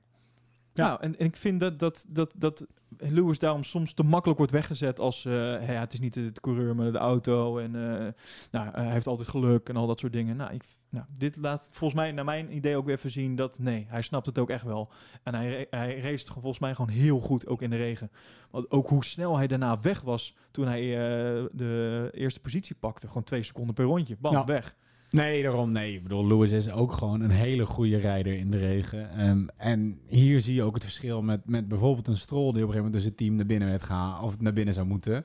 En die dan een beetje op de, op de boordradio overkomt van, ja, ik weet het niet helemaal. Ja, ik weet, ik weet niet of nieuwe banden een goed idee is. Ik weet niet of dit een goed idee is. Terwijl, weet je, Lewis, die zegt gewoon, tak, dit, dit is het, punt. Punt. Ja, nou, ik heb goed dat je eh, een bruggetje maakt. Want ik heb hier toevallig de boordradio van Stroll. It's unbelievable that I'm doing better lap times at the beginning of the race in full wet conditions. Ja, dit, dit is toch wel... eh, eh, hij snapte er echt helemaal geen reet van. En dat is wel grappig. Je zag al bij meerdere coureurs dat ze eigenlijk... Bijvoorbeeld een Albon, dat zag je achteraf in dat interview bij Jack. Die was echt nog aan het verwerken van... Wat, wat, hè? Wat, gebeurt er, wat, wat gebeurt er op deze baan? Alles wat ik zeg maar dacht te weten over racen... Dat, dat klopt totaal niet meer hier zo. Nee. Nee, ja, dat is natuurlijk wat je als je te maken krijgt met een, een, eh, een circuit met een hele rare eh, ondergrond, eh, een hele rare surface. Hij was, hij was net resurfaced, had natuurlijk al moeite met het opdrogen, met Ja. relatief weinig grip. Ehm, leuk stukje daarvan even is dat ze met ehm, huurauto's nog eindeloos vrijdagavond of zaterdagavond rondjes hebben gereden op het circuit om te zorgen voor meer rubber op het circuit. Er zijn ook... eh, Is dat dat filmpje wat in onze Slack... Ja. eh, ja, zijn ze met, met gewone personenauto's zijn ze, zijn ze aan het rondrijden. Een paar mensen heel, heel joviaal glijdend met, met die auto's over, eh, over het circuit heen. Geniaal. Om te zorgen dat het droogt om rubber neer te leggen. Nou, is gelijk een leuke plug even voor onze Slack als je mee wil praten Ja. over de Formule 1. En, en dit soort leuke filmpjes dus wilt zien, eh, of dingen die je dus niet eh, op tv krijgt te zien. Dan eh, moet je even naar ons Instagram-account gaan, polepositionnl. En dan eh, in de link in de bio, dan kan je aanmelden voor het Slack-kanaal. En dan kan je dus dit filmpje onder andere zien. dat zag er heel grappig. En dat was echt laat nog op de, op de avond dat ja, dat was echt laat op de avond. Want ze hebben daar natuurlijk last van een... eh, of last van. Ze hebben daar een zon die heel vroeg ondergaat. Oh. vanwege de plek waar ze liggen. Ah, ja, ja, ja, ja. Ehm, en ja, op zijn eerste setje Inters had, had Stroll gewoon ontzettend veel last van eh graining. Eh, dat was het grote probleem. En dan, Oh. en dan luister je nu misschien en dan vraag je je af, nou, wat is graining nou Nou, eigenlijk? Matthijs, wat is graining dan? Nou, leuk dat je het vraagt, Elwin. Want je hoort dat wel eens vaker, dat ze dat zeggen, graining. Nou, wat is graining? Graining betekent dat in plaats van dat de band, zeg maar, netjes afslijt, Ja. er echt een, een stukjes rubber of streepjes rubber van de band eh, eh, in één keer van de band worden gerukt en daarna meteen vastplakken op, op de band, zeg maar, aan de achterkant. Dus hij, wordt niet, hij, hij slijt niet egaal. Nee, maar het is echt, zeg maar, brokjes rubber die, die eraf worden getrokken en meteen ook weer vastplakken aan, Mm. aan de band, omdat die band dus zo warm is. Oké. En dat betekent dat zeg maar, de, het oppervlakte van de band wordt daardoor heel bobbelig. Ja, precies, ja. Ja, en je krijgt allemaal bobbeltjes met, eh, eh, met al het rubber. En datzelfde zie je bijvoorbeeld ook aan het einde van de race vaak. Dat coureurs juist van de track afgaan op de, op de stukken rijden waar al die rubber Klopt, ja. pellets liggen. Ja. En dat, dan, nou ja, dan zie je de banden naar de hand als de auto's geparkeerd staan. En dat is echt een soort van, van maanlandschap. Weet je, dat zijn allemaal kraters. Nou, als je dat dus onbedoeld eh, tijdens, tijdens de race hebt, dat is, dat, dat is graining. Ehm, en, en doordat je band niet meer helemaal netjes glad is, krijg je veel meer moeite met, eh, met, met remmen. Eh, in de bochten heb je veel minder grip, veel minder tractie. En ja, als dat dus ernstig gebeurt bij je band, dan, dan zit er niks anders op dan een nieuw setje Ja. banden binnenhalen. En dat, Mhm. dat heeft alles te maken met trekcondities, temperatuur. ehm, en dat soort zaken. En je ziet dus ook, dat, dat zag je ook tijdens de kwalificaties, de auto's die normaal ehm, ehm, sneller banden slijten, omdat ze dus veel downforce hebben of, of door, door, ja, op, op een of andere manier veel, veel grip vanuit die banden, ja. Ehm, die deden het beter in die natte omstandigheden. Maar ja, die krijgen daardoor ook wel sneller last van dit soort problemen. Dus ah. hè, een auto die, die nou ja, Stroll, die had daar dus eh, eh, mazzel mee. Die had meer grip, maar die had dus ook last van dit soort zaken. Terwijl Max struggled for grip, omdat, omdat die Red Bull in verhouding veel minder, eh, veel minder grip uit zijn banden haalt. Nou ja, die, die heeft daar geen last van. Maar ja, Nee. ook geen grip. Ja, en dan, ehm, eh, ja, dan word je dus eh, van P1 ga je naar uiteindelijk dus eh, P9. ja, dat is, dat is echt wel huilen voor de jongen. That's uh, P9, P9. Uh, Hamilton, Perez, Vettel, Leclerc, Sainz. That was so ridiculous. What the hell happened? Just no pace. Perez stayed out on the tyres. He stayed out. I know, but we were struggling so much more than him on that tire. Yeah, we need to go through it to understand. Ja, dit, is, dit somt heel mooi, denk ik, op wat jij net uitlegt, eh, Matthijs. Ja. Toch? Ja, nou ja, het, het laat dus op zich wel zien dat je met de- dezelfde soort auto toch ook meer of minder last hiervan kan hebben. En dat zal alles te maken met de manier hoe je remt en hoe je gewoon je banden überhaupt managt. Stroll staat niet bekend als iemand die ontzettend goed is in Precies, tire management. Ehm, ik denk dat hij zijn banden, eh, maar dat zeg ik eh, hè, vanaf, vanaf de bank ehm, eh, met, met beperkte, beperkt begrip van hoe dit allemaal werkt. ehm, dat hij gewoon zijn banden overstuur heeft gejaagd. Dat die te warm zijn geworden, ondanks omdat het trek toch opdroogde. Ehm, en dat hij daardoor last kreeg van die graining. Ja, dat was ook juist een strategie om soms je banden weer wat kouder te laten worden. Hè? Door Ja. een beetje meer in die plas te rijden. Ja, meer in die plassen te rijden. Je zag dat Hamilton heeft dat heel goed gedaan. En ja, als je dat gewoon... Weet je, dat, het, het scheelt maar een heel klein beetje. Maar als je dat eh 50 ronden lang doet... dan heb je de laatste acht ronden ervan profijt van. Heel veel kleine beetjes bij elkaar. Terwijl je bijvoorbeeld Perez hoorde je op een gegeven moment ook zeggen nog achteraf in een interview van... eh, nou, ik zei nog tegen mijn engineer, eh, volgens mij nog één ronde en mijn banden die gaan klappen. Ja. Dus die heeft ook wel tot, tot op de max erop gereden, zeg maar. Maar ja, niet naar binnen gegaan. En dus eigenlijk hetzelfde voordeel gehad als wat, wat Lewis heeft gehad met, Ja. met zijn banden.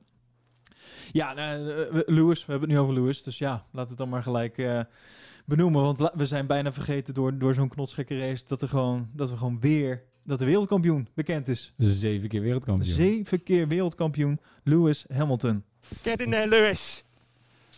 What a way to do it, mate. What a way to win your seventh world title. Mate, you have got to be proud of that. What an awesome drive.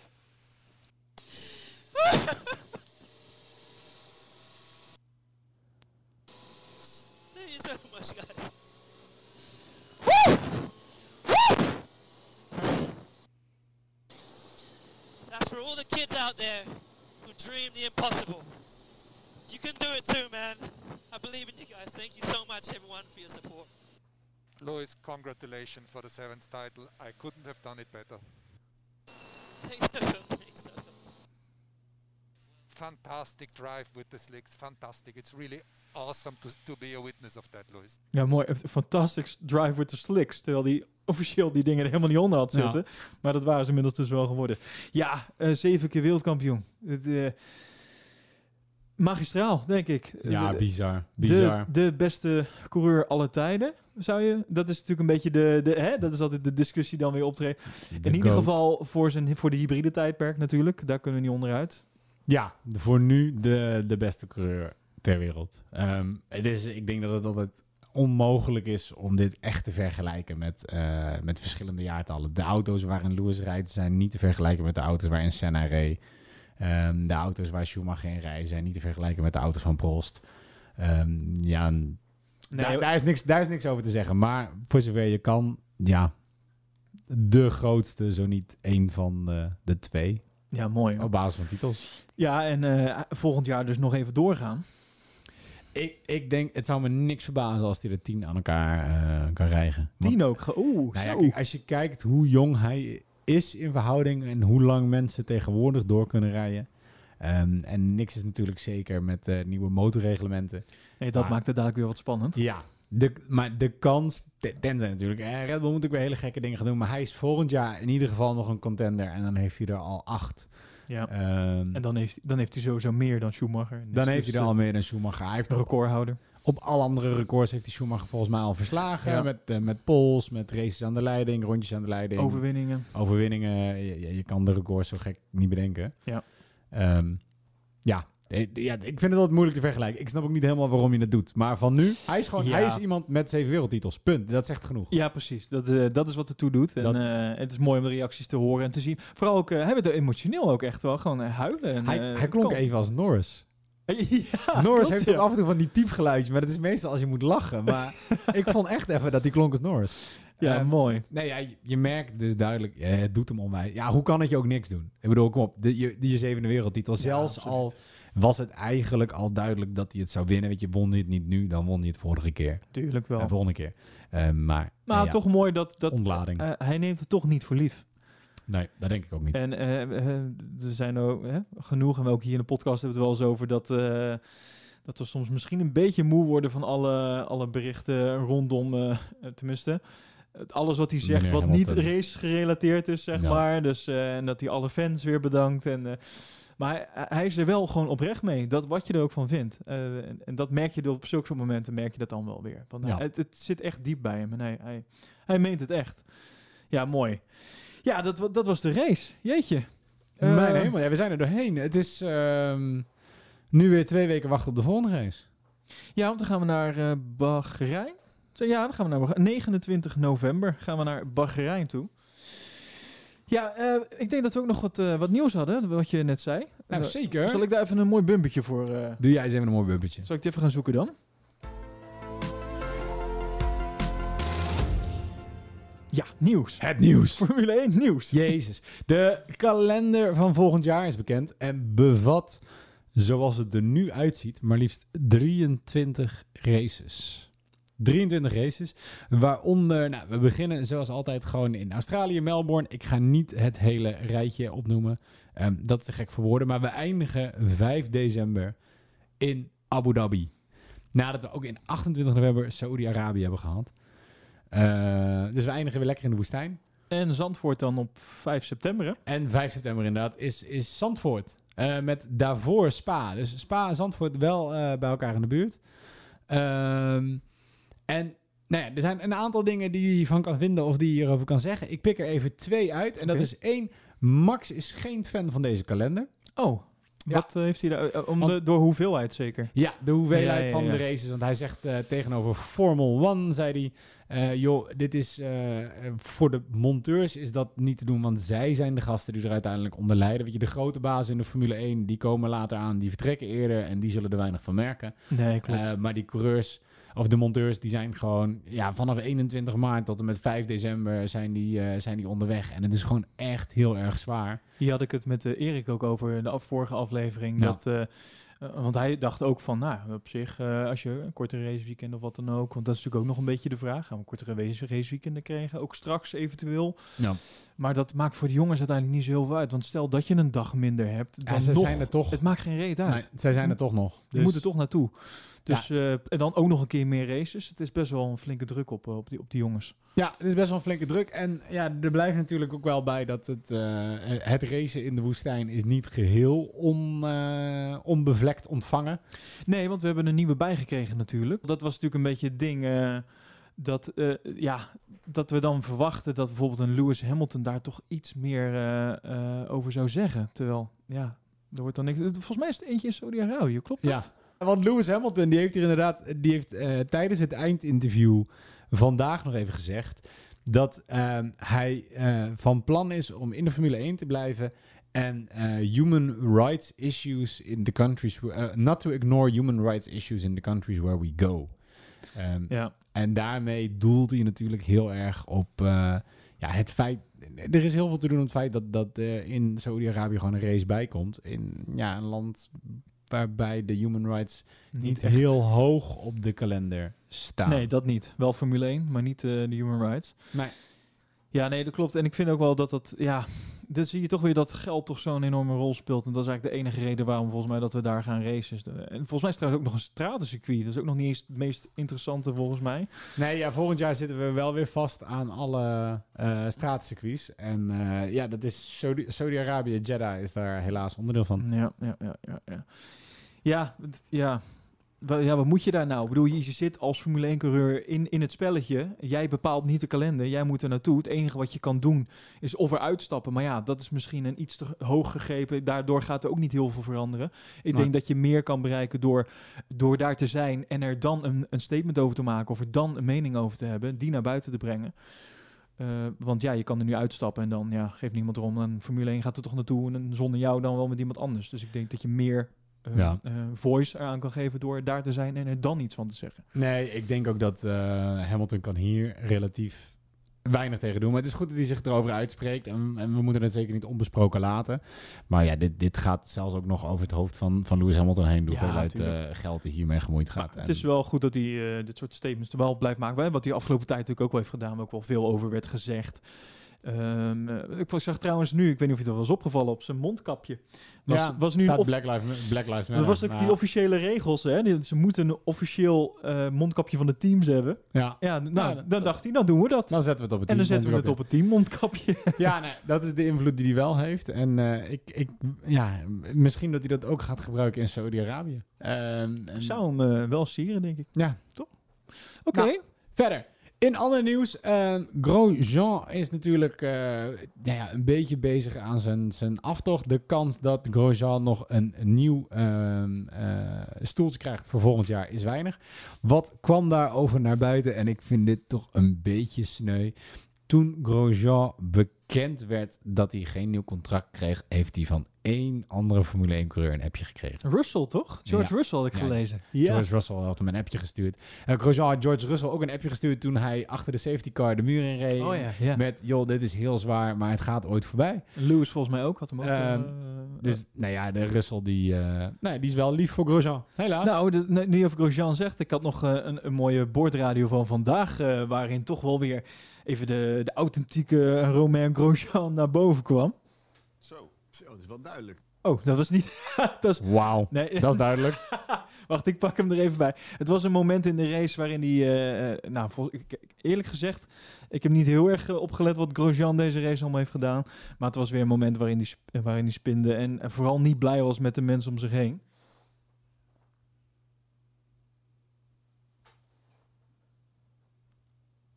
What the f- Are you okay? Yeah, but... f- No! Watch for Norris. Yeah, doing my best, but that's fucking absolute choke. Okay. Um, we have Ocon coming out of turn 10 now. Yeah, yeah, yeah, I think I'm not sure the car is not... Try... Anyone can... Do you need to box? Do you need to box? I don't know, you tell me, I don't know. That's absolutely ridiculous. Kvyat, two seconds back. Dit ga ik toch wel missen. Eigenlijk als... Ik dat heb is niet duidelijke de, taal. de- ik heb niet de ongecensureerde versie hiervan kunnen vinden, helaas. Maar je hoort ook het, het geluid van, de, van die auto op de achtergrond. Hè? Dat, dat wisselen in gas. Ja, en- klopt, ja. Nee, het is bizar. Dit, dit klinkt een beetje als mijn schoonmoeder in een parkeergarage. Dus Kom op, man. Oh, maar ja, ik moet wel zeggen dat ik dit soort dingen wel ga missen van Grosjean. Ja, het is af en toe echt een pannenkoek. En, ehm, maar, maar ook wel weer sympathiek op sommige op best wel wat momenten. Maar dit, dit soort dingen ga ik wel echt van hem missen. Nou, Het zijn niet zijn sterkste momenten, maar... arme jongen. Ach, Ehm, ja. En dan, eh, ja, wel een leuke eigenlijk. eh, hij zit een beetje achteraan in het nieuws, maar eh, hier was wel wat om te doen. Namelijk Stroll, die kreeg geen straf en Lando Norris kreeg dat wel tijdens deze race. Ja, Er was wat om te doen in verband met gele vlaggen en dubbele gele vlaggen tijdens de kwalificatie. ja, klopt, ja. Ehm, met een aantal spins.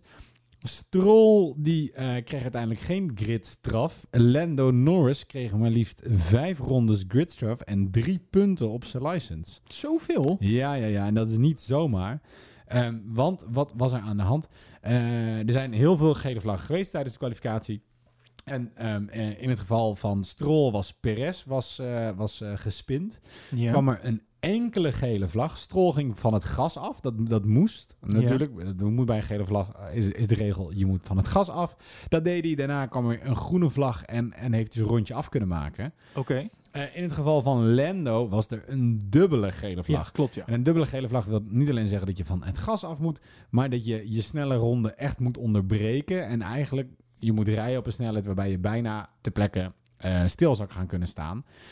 En dat deed hij niet. Of althans, hij zegt dat hij dat natuurlijk wel gedaan heeft. Maar omdat... ehm, Uit data kan je Ja. dat denk ik terugzien. uit data kan je dat terugzien. Alleen die ronde was nog steeds het snelste rondje dat Lando gereden heeft. Hij zegt zelf dat het komt omdat de baan op dat moment een stuk sneller was. Dus hè, ondanks dat hij daar zo hard eh, van zijn gas af moest en moest remmen...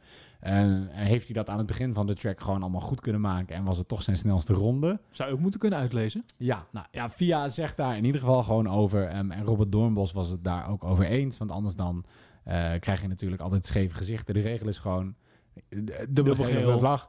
Je, je moet je ronde afbreken. Dus dit kan nooit je snelste ronde geweest zijn. Los van de data, dit kan niet je snelste ronde geweest ja, zijn. Dat was het wel, dus je krijgt een tik op je vingers. Hmm, Oké. Ja, want er waren nog wel meer... eh, Magnussen verbaasde zich ook daarover trouwens, Ja. op de boordradio. Gasly Ja. is volgens mij nog best wel wat teruggezet ook daar. Nou, er waren er heel veel die, wat, eh, die zich even moesten melden daarvoor. Ja. Maar het is, het is in ieder geval nu wel duidelijk waarom dat Stroll dus niet is bestraft daarvoor. En dus een pole position mocht houden. Want dat was ook nog even het ding. Net na de kwalificatie, vlak daarna. Van, gaat hij hem ook nog houden? Ja, nou ja, goed. Uiteindelijk eh, hielp het weinig. Oké. Ehm, dan, ehm, volgens de Daily Mail staat Lewis op het punt om een driejarig contract met Mercedes te tekenen voor maar liefst 135 miljoen euro. Zo, kassa mensen. Ja, dat is Ik heb klaar. het kassa gelijk niet bij de hand. Maar oké, maar een driejarig contract, Ja, dat verbaast me. Het zou een driejarig contract zijn, 135 miljoen. Daarmee zou zijn salaris nu van 40 naar 45 miljoen per jaar gaan.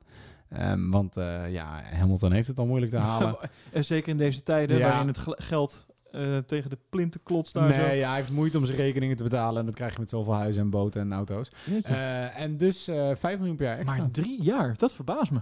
Ja, meer mensen. Maar het is wel echt... eh, je, je, de Daily Mail die begon hiermee. Maar die drie jaar heb ik op, eh, op meer plekken Terug, eh, terug zien komen. ja, terug zien komen, teruggezien. Dus ja, het is even afwachten. Dat, het, dat het een grote bak geld is, dat is in ieder geval zeker. Voor, Hmm. voor minder gaat Het mee. verbaast me dat het toch nog een verhoging is van zijn salaris. Want daar was natuurlijk heel veel om te doen. Ja. Dat dat eigenlijk een ding zou zijn wat, waar, waarmee ze niet akkoord zouden gaan. Want ja, deze tijden, et cetera. Maar, Ja, maar ja. Lewis, ging, Lewis ging dus niet akkoord met verlaging. Hij zegt, ik ben al zeven jaar wereldkampioen. Ja, nee, ja dat, in Nou, ieder geval dat kan hij dat vanaf vandaag zeggen. Ja. Ja, absoluut. Ja. En, en dan laatste stukje nieuws dat ik heb gaat over de Formule W. oh, de, Ja, de vrouwenseries. De Formule Women. Eh, dit jaar was er geen Formule W. Eh, Die was afgelast in verband met corona. Een beetje raar eigenlijk dat ze die dan wel aflassen. Ja. eh, maar het zal ook met geld te maken hebben of zo. Eh, nee, Formule W is, eh, is afgelast. Maar volgend jaar komt Formule W acht keer in het voorprogramma te staan van de Formule 1. Dat wilde ik dus net gaan zeggen. Volgens mij, eh, ik, eh, ik, wist niet, ik heb dit niet gelezen, maar mijn wens was dat dit dus zou gaan gebeuren. Dat was jouw wens? Ja, Waarom was dit jouw wens? nou, omdat ik vind dat, dat je daarmee de sport ook voor vrouwen ja, gewoon, gewoon nog een boost geeft. Je kan het wel, hè, het bestaat al, maar er wordt niet zo heel veel aandacht aangegeven. Behalve als er een enorme crash is, zoals eh, al- vorig jaar. Dan is het Mhm. ineens even het nieuws. Ehm, ik vind juist door dit in het voorprogramma van, van hè, de grootste auto autosportrace te zetten, Mhm. dat je het, ja, ik vind dat wel een goed, goed ding.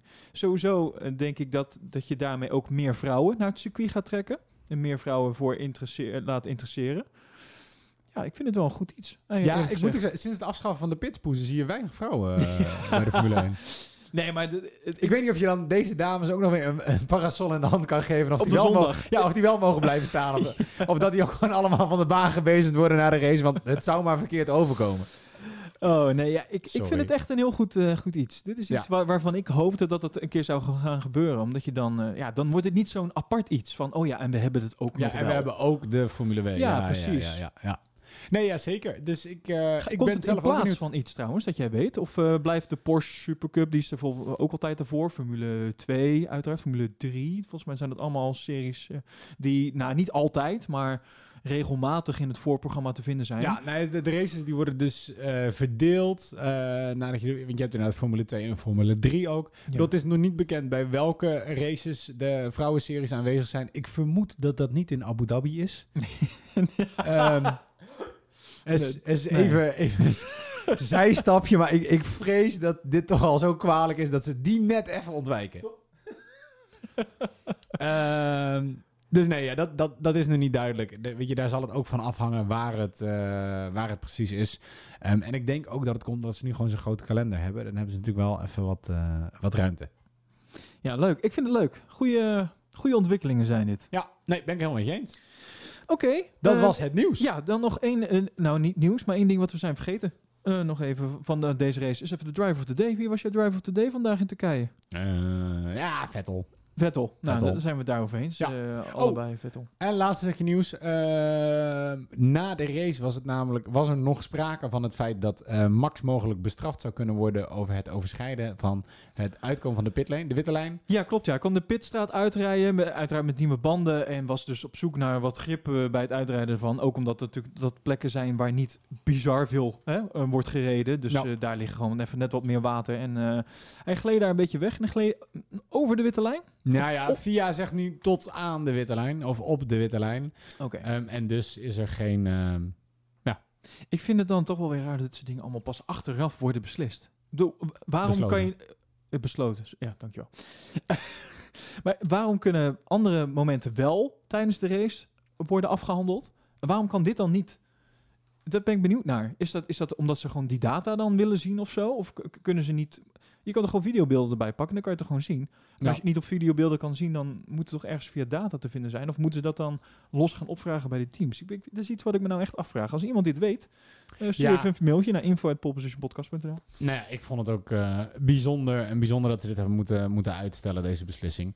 Ehm, en ik lees nu, as we speak, een uitspraak van Verstappen over de race. Ah, laat maar Ehm, raden, het, het ligt niet aan hem. Of, Nou, nee, of heeft hij toegegeven dat het wel aan hem ligt? Nee, zijn voorvleugel bleek compleet verkeerd afgesteld te zijn. Aan één kant had zijn voorvleugel 7 graden te weinig. Ehm, en daar heeft hij dus nou ja, ook heel veel problemen van ondervonden tijdens de race. Oké. Ja, bijzonder. Want ze kunnen voorvleugels natuurlijk ook afstellen tijdens pitstops. Ja, dan zie je altijd even heel snel iemand met een brrr. soort... eh, Ja, nou, dat hebben ze nu niet gedaan, anders had het niet door. Maar dit is toch wel een... ehm, Maar dit, dit vind ik een raar verhaal. Want hoe kan je dit niet doorhebben? Hey, eh, Ze, kunnen al, ze, ze weten van elke centimeter die ze op die baan rijden... wat, wat er gebeurt met die auto. Ja, ik snap ook niet dat ze niet inderdaad kunnen uitlezen hoeveel... eh, d- er moet toch een soort van metric zijn dat je ziet van... oh, deze voor, dit stukje, dit flapje staat op 13 graden, dit staat op 12 graden. Anders weet je toch ook niet waar je het naar moet afstellen. Hmm. Het- Er is iemand in Het onze Slack die hier volgens mij wel iets over kan vertellen. Die Ja, we gaan, het even, we gaan het even navragen. Oké. Oké, eh, gaan we dan door naar eh, de, de, de Urban Legend. De F1, F1 Urban, Legend. Daar heb ik ook een hele mooie bumper voor.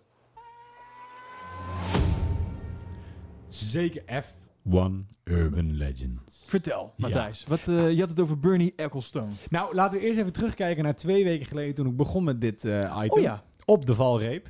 Ehm, daar hadden we het over de mogelijke traction control die ehm, eh, Red Bull zou hebben gehad.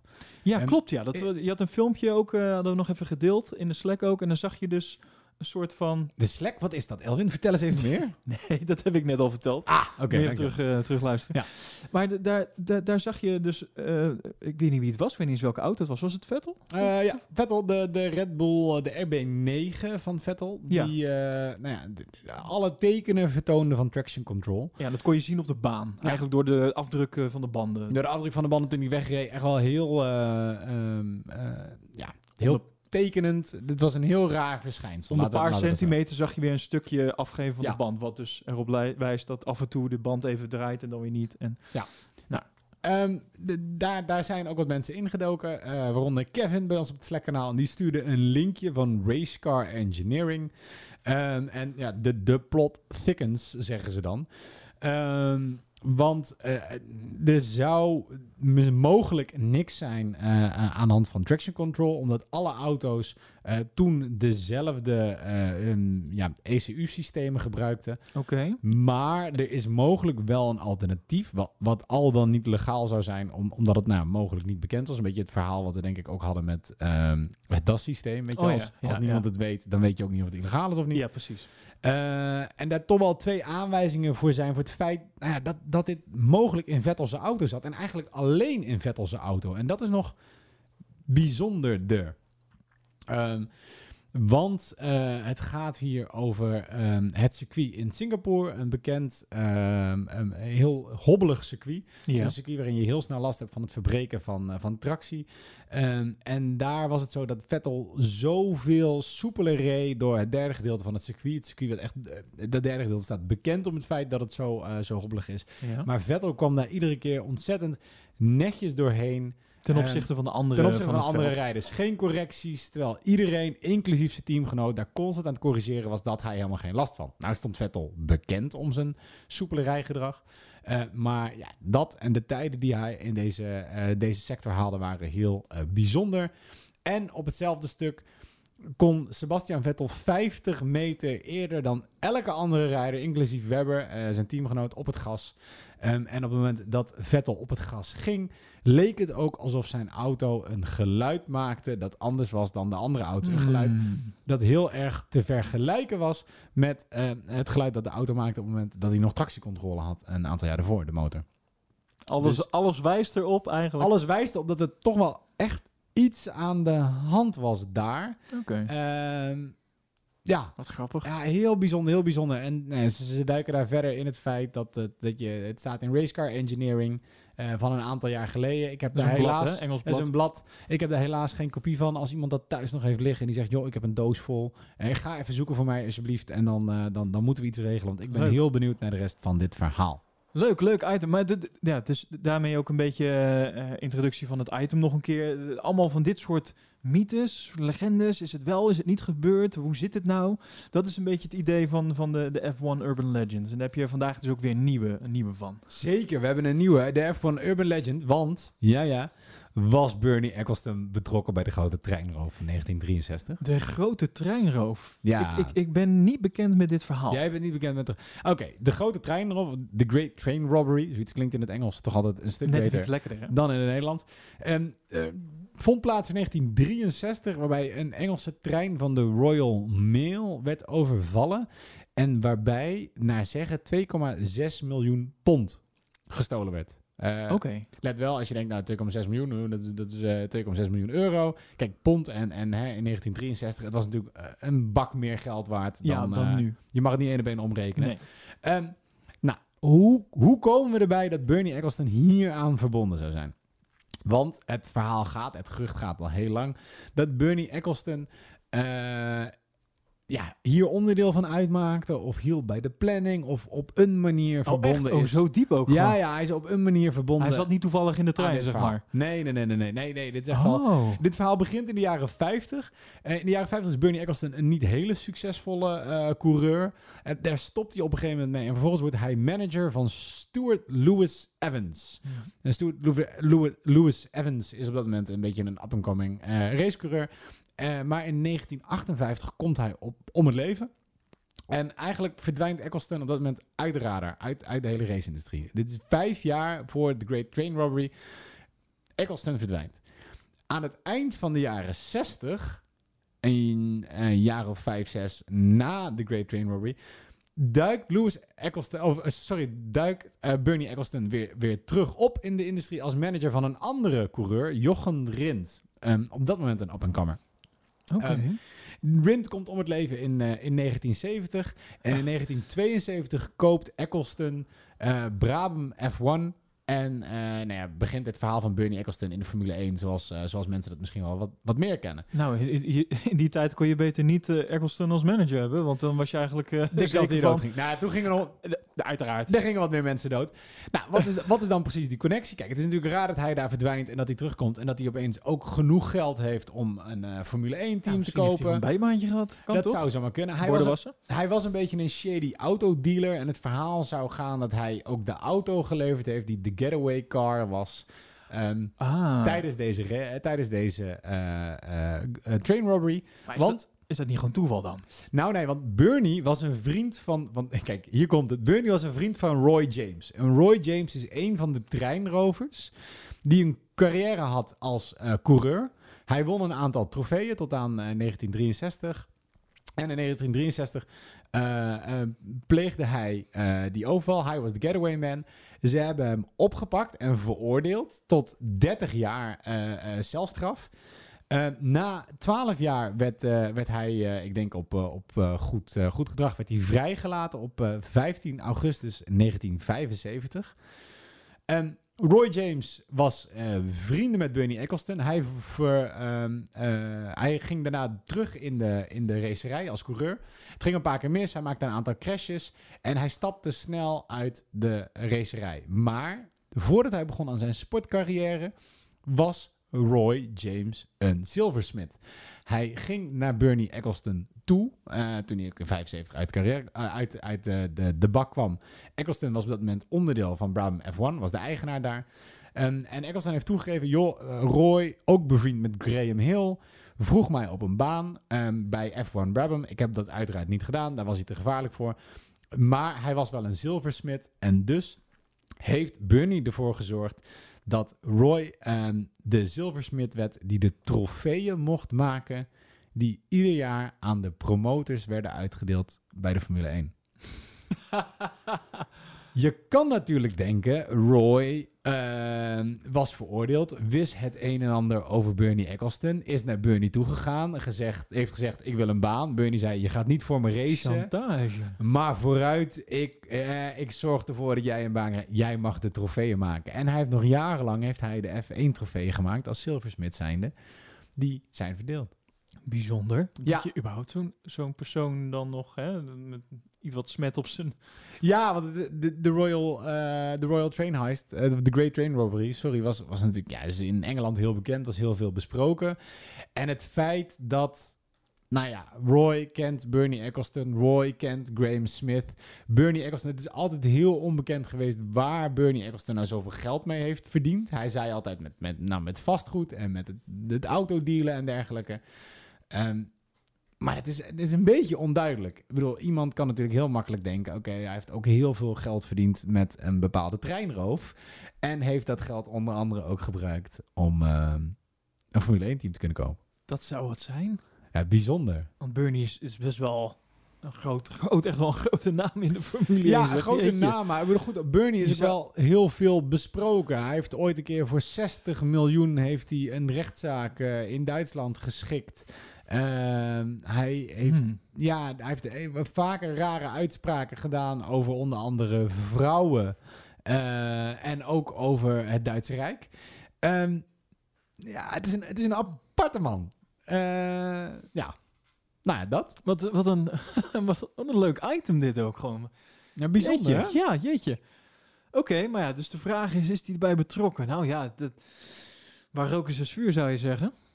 Toch? Ja. De bekende uitspraak? Ja, Bernie Eccleston heeft zelf de ooit een keer, hij is, er, hij is er ook over ondervraagd en hij heeft zelf ooit een keer gezegd, hij heeft een beetje een grapje erover gemaakt over het feit dat hij dus Roy nooit eh, toe zou laten bij Brabham F1 en dat hij daarom maar gezorgd heeft dat hij, eh, dat die gasten trofeeën mocht maken. Iemand anders zou vragen, oké, maar waarom help je überhaupt Ja. een oud vriend van je die 12 jaar in de bak heeft gezeten dan aan zo'n toch wel redelijk prestigieuze baan? Ehm, Ja, en die- dat hij zei, ja, weet je, er is nooit, eh, er, was, er was niet eens genoeg geld in die trein. Weet je, ik bedoel, ik heb mijn geld op een andere manier verdiend. De, zoveel geld zat er niet in die trein. Dan blijft natuurlijk de vraag, hoeveel geld is er daadwerkelijk gejat? Hmm. Ze zeiden 2,6 miljoen pond. Eh, er is wel eens vaker eh, jaren, jaren later bekend geworden dat bij bankroven ook veel meer geld werd natuurlijk weggehaald dan dat oorspronkelijk gezegd was en dergelijke. Dus ja, er, zit, er zitten wat haakjes en oogjes aan. Interessant. Jazeker. Leuk man. Ja, eh, de- ga je vaker dit, eh, want dit is nou de tweede keer dat we dit eh, doen. Is het, eh, is het zolang, ik misschien- leu- zolang ik leuke dingen kan vinden, gaan we hier gewoon mee door. Is het ook misschien een idee om anders eh, om dit gewoon een beetje exclusief te maken voor mensen die het echt leuk vinden of, of, of eh, niet? Want we hebben dat in ieder geval nog niet. Ik heb het nog niet benoemd. Namelijk, petje af hebben we ook nog eh, voor de mensen die, eh, die de podcast leuk vinden en die het eventueel willen steunen, eenmalig of, of wat vaker. Hebben we leuke filmpjes voor opgenomen, ik en Matthijs. Ja. En eh, we hebben trouwens ook een nieuwe petje afnemers. Die moet ik ook even benoemen. Noortje. Dus, eh, Noortje, eh, dankjewel. Dankjewel Noortje Je voor, bent voor je steun. Allereerste en de allerbeste. Heeft ook een, eh, een mondkapje, podcast mondkapje ontvangen van ons. Per exclusief. Ja, super. Heel tof. eh, zijn gemaakt door Patrick Safe.